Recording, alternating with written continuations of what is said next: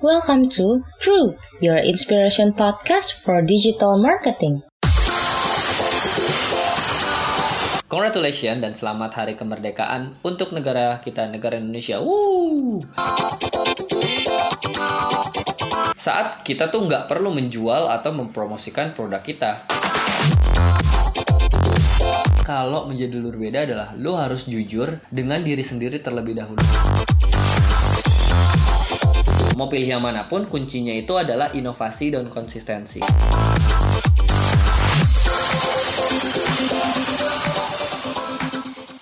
Podcast Crew episode 17 Gila, gila, gila udah episode 17 aja nih. Anyway, masih balik lagi bareng gue Fadlan as your host. Uh, Kayaknya episode 17 sih bakal tayang pas deket-deket hari kemerdekaan saya jadi uh, congratulations dan selamat hari kemerdekaan untuk negara kita, negara Indonesia. Woo! Semoga negara ini bisa menjadi negara yang maju dan bisa bersaing lah dengan negara-negara besar. Dan semoga kita bisa berkontribusi di dalamnya. Oke, okay, uh, eh, episode 17 kali ini uh, gue akan sedikit berbicara mengenai persaingan-persaingan uh, dengan tema bagaimana cara memenangkan persaingan bisnis terutama di era digital. Nah, e, seperti biasa gue akan bagi jadi tiga segmen. Segmen pertama gue akan ngebahas cara yang pertama, segmen kedua gue akan ngebahas cara yang kedua, dan segmen ketiga gue akan ngebahas kira-kira bagusan yang mana ya, gitu. Nah, jadi tanpa berlama-lama langsung kita masuk ke segmen pertama.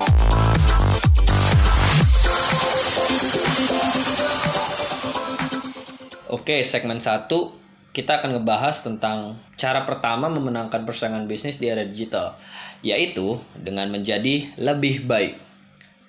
Apa sih menjadi lebih baik? Sederhana itu gini. Menjadi lebih baik artinya kita punya kelebihan yang nggak terlalu dimiliki oleh kompetitor kita. Bisa dari segi kualitas, fasilitas, pelayanan, atau yang lainnya. Jadi, eh, kita punya sesuatu, punya value yang mungkin nggak akan bisa di uh, tiru atau dilakukan oleh kompetitor yang membuat kita itu uh, bisa berdiri uh, sendirian. Nah, pertanyaannya, kenapa kita perlu menjadi lebih baik? Karena gini, konsumen itu saat ini tuh makin mudah loh mencari informasi, apalagi dengan perkembangan teknologi, internet. Uh, di samping itu pesaing juga semakin banyak dan kayaknya lebih mudah deh untuk masuk ke dunia bisnis dibandingkan zaman dulu lagi-lagi terkait dengan perkembangan teknologi dan internet. Nah, akhirnya akan menjadi lebih baik bagi kita sebagai uh, orang yang sudah lama di bisnis itu membuat konsumen loyal dengan kita daripada kita mencari pelanggan baru atau fokus ke uh, bagaimana bersaing dengan orang-orang baru ini. Jadi kalau kita bisa menjadi lebih baik, kita tuh nggak perlu yang namanya perang harga atau berdarah-darah hanya demi mendapatkan pelanggan-pelanggan dan uh, mungkin sifatnya short term gitu. Nah, kapan kita dikatakan menjadi lebih baik? Yang pertama, saat kita tuh nggak perlu menjual atau mempromosikan produk kita. Jadi ibaratnya gini, Lamborghini atau iPhone itu itu nggak pernah mengiklankan di TV setahu gue. Kenapa? Karena mereka sadar bahwa value mereka itu sebesar itu dan e, mereka merasa bahwa mereka itu adalah yang terbaik. Jadi mereka nggak perlu untuk melakukan itu karena konsumen juga akan mencari dengan sendirinya. Yang kedua kondisi di saat kita itu nggak perlu perang harga seperti yang tadi gue sebutkan setahu gue juga iPhone atau gue nggak tahu ya Lamborghini tapi yang jelas iPhone itu jarang banget kasih diskon. Itu kayaknya nggak pernah juga dia ngasih diskon. Kenapa? Karena ya mereka nggak perlu tuh yang namanya perang harga uh, atau mengurangi memberikan benefit-benefit lain yang membuat uh, konsumen itu jadi tertarik. Kenapa? Karena konsumen tidak melihat itu sebagai suatu value, tapi mereka merasa bahwa memang produk iPhone adalah produk yang terbaik. Gitu. Jadi uh, itu yang kedua dan yang terakhir adalah saat kita bisa menentukan arah dan pergerakan pasar dalam hal ini pesaing.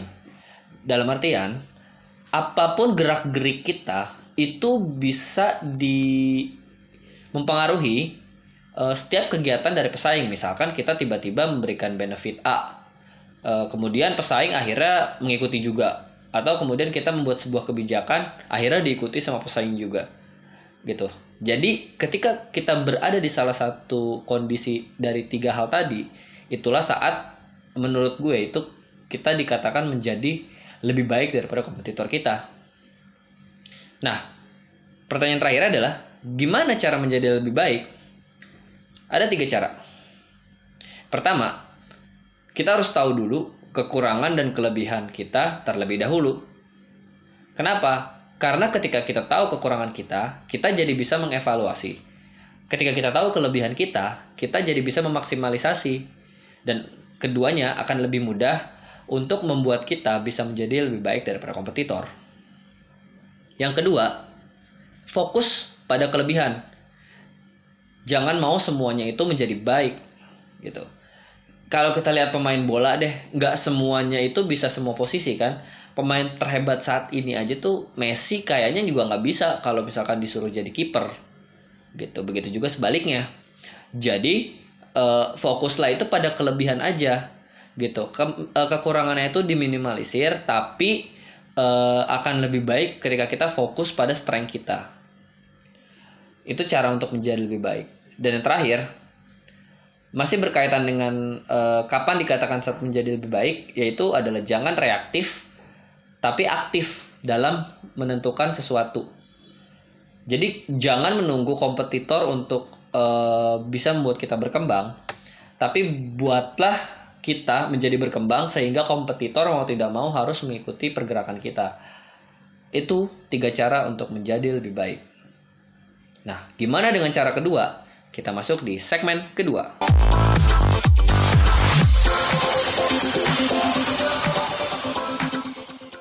Cara kedua, ketika kita tidak bisa menjadi lebih baik, kita harus menjadi lebih berbeda.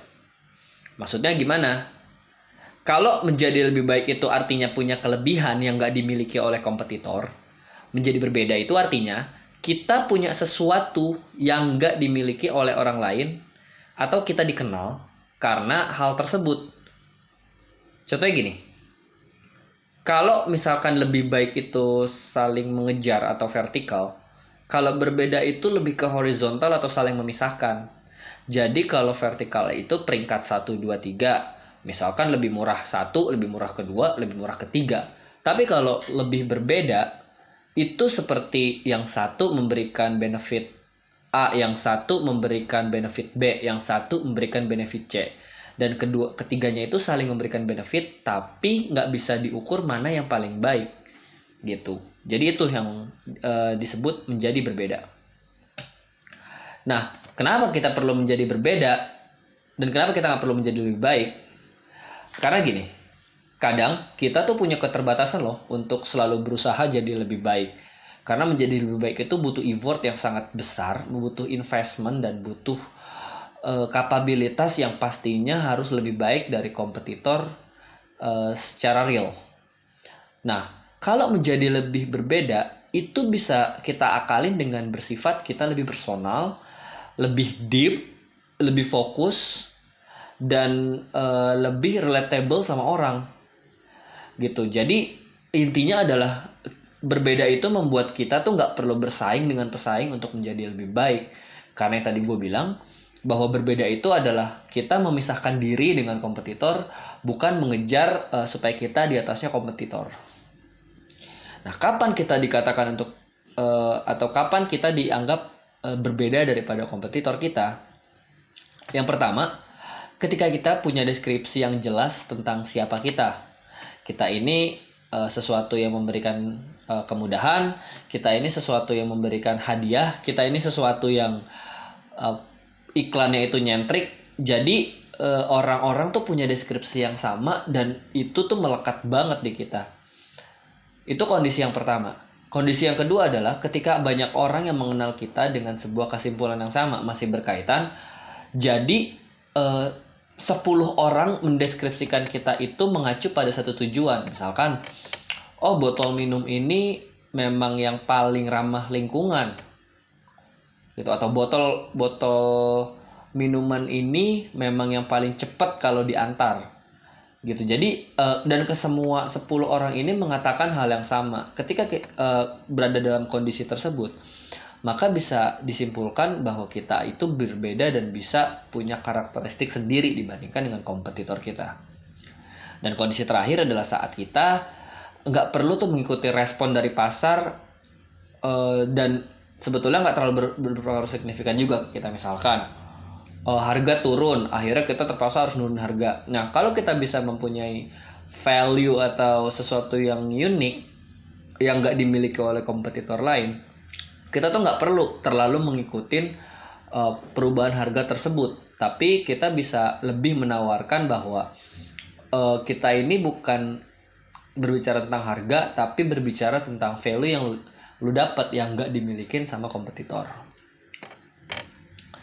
Nah, pertanyaannya, bagaimana cara melakukannya untuk bisa menjadi lebih berbeda? Sama, ada tiga cara juga. Yang pertama, kalau tadi menjadi lebih baik ada luar stok kelebihan dan kekurangan, kalau menjadi lebih berbeda adalah lu harus jujur dengan diri sendiri terlebih dahulu. Kenapa? Karena akan lebih uh, personal, akan lebih deep ketika lu tuh gak fake, ketika lo menunjukkan siapa diri lo sebenarnya dan bisnis lo itu seperti apa. Jadi ketika kita jujur, akan lebih mudah untuk orang relate dengan kita dan akan lebih mudah orang untuk trust dengan kita.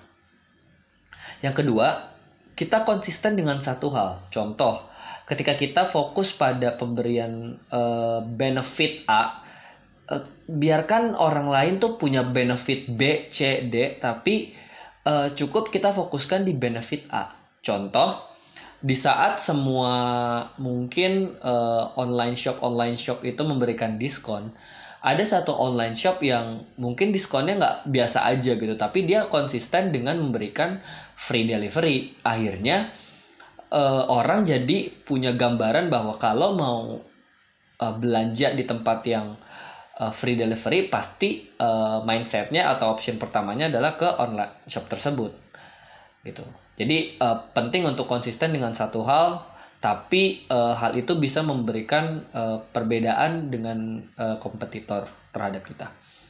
Dan yang terakhir adalah aplikasikan value atau nilai yang berbeda-beda tadi ke berbagai tindakan. Jadi nilai-nilai uh, yang sudah kita anut, value-value yang mau kita keluarkan itu jangan cuma disampaikan, jangan cuma uh, diaplikasikan dalam satu hal, tapi benar-benar diaplikasikan dalam berbagai kegiatan.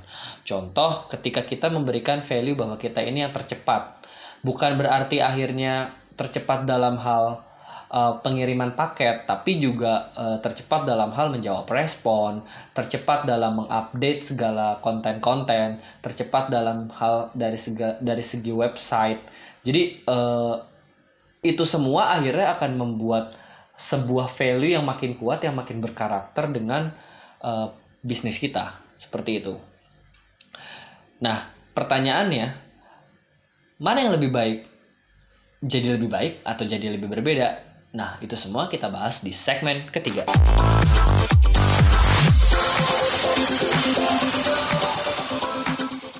Oke, di segmen ketiga kita akan ngebahas tentang jadi setelah udah disebutin di dua segmen tadi, kita harus pilih yang mana. Mari kita bahas tentang kelebihannya dulu. Kelebihan menjadi lebih baik itu kita bisa membuat bisnis kita itu menjadi pemegang kontrol dari market. Kita bisa mengontrol berapa harga yang mau kita tawarkan karena kompetitor pasti bereaksi. Apa kegiatan-kegiatan yang mau kita lakukan karena juga kompetitor pasti akan melakukan hal yang sama. Contohnya, misalkan uh, let's say uh, salah satu perusahaan handphone itu mengeluarkan uh, suatu hal nih. Dan dia merupakan perusahaan yang terbaik gitu. Biasanya nanti kompetitor-kompetitornya juga akan melakukan hal yang sama setelahnya. Jadi mereka bereaksi terhadap apa yang dilakukan oleh si yang paling baik ini. Jadi gitu ketika kita bisa menjadi lebih baik kita memegang kontrol atas market. Yang kedua kita benar-benar terlepas dari yang namanya perang harga dan kita lebih ke value oriented. Artinya orang-orang yang mengkonsumsi produk kita, service kita, itu tidak lagi berbicara soal mana yang paling murah, mana yang paling uh, memberikan harga yang nyaman untuk ekonomi mereka, tapi mereka rela sacrifice anything, spend banyak karena mereka tahu bahwa value-nya yang mereka kejar dari bisnis kita atau dari service kita. Sehingga ketika kita menjadi lebih baik, kita bisa mendapatkan profit yang dalam margin yang tinggi dengan effort yang mungkin nggak cukup banyak dari segi kuantitas. Itu. Contoh kasusnya, kita bicara orang aja. Mungkin di sini semua tahu tentang siapa Panji Pragiwaksono as a stand-up comedian. Gue nggak bicara soal rapper. Beliau adalah salah satu stand-up komedian terbaik di Indonesia saat ini dan ketika dia naikin standar uh, harganya, standar stand-upnya, maka semuanya itu pasti ikut naik. Tapi di saat yang bersamaan, semuanya itu nggak akan punya harga melebihi harganya si orang seorang Panji gitu. Dan orang itu memang rela bayar mahal karena mereka tahu kualitasnya. Gitu. Karena menurut uh, dia sendiri, menurut Panji sendiri bahwa tiketnya itu tergolong mahal untuk pertunjukan stand up. Jadi gitu.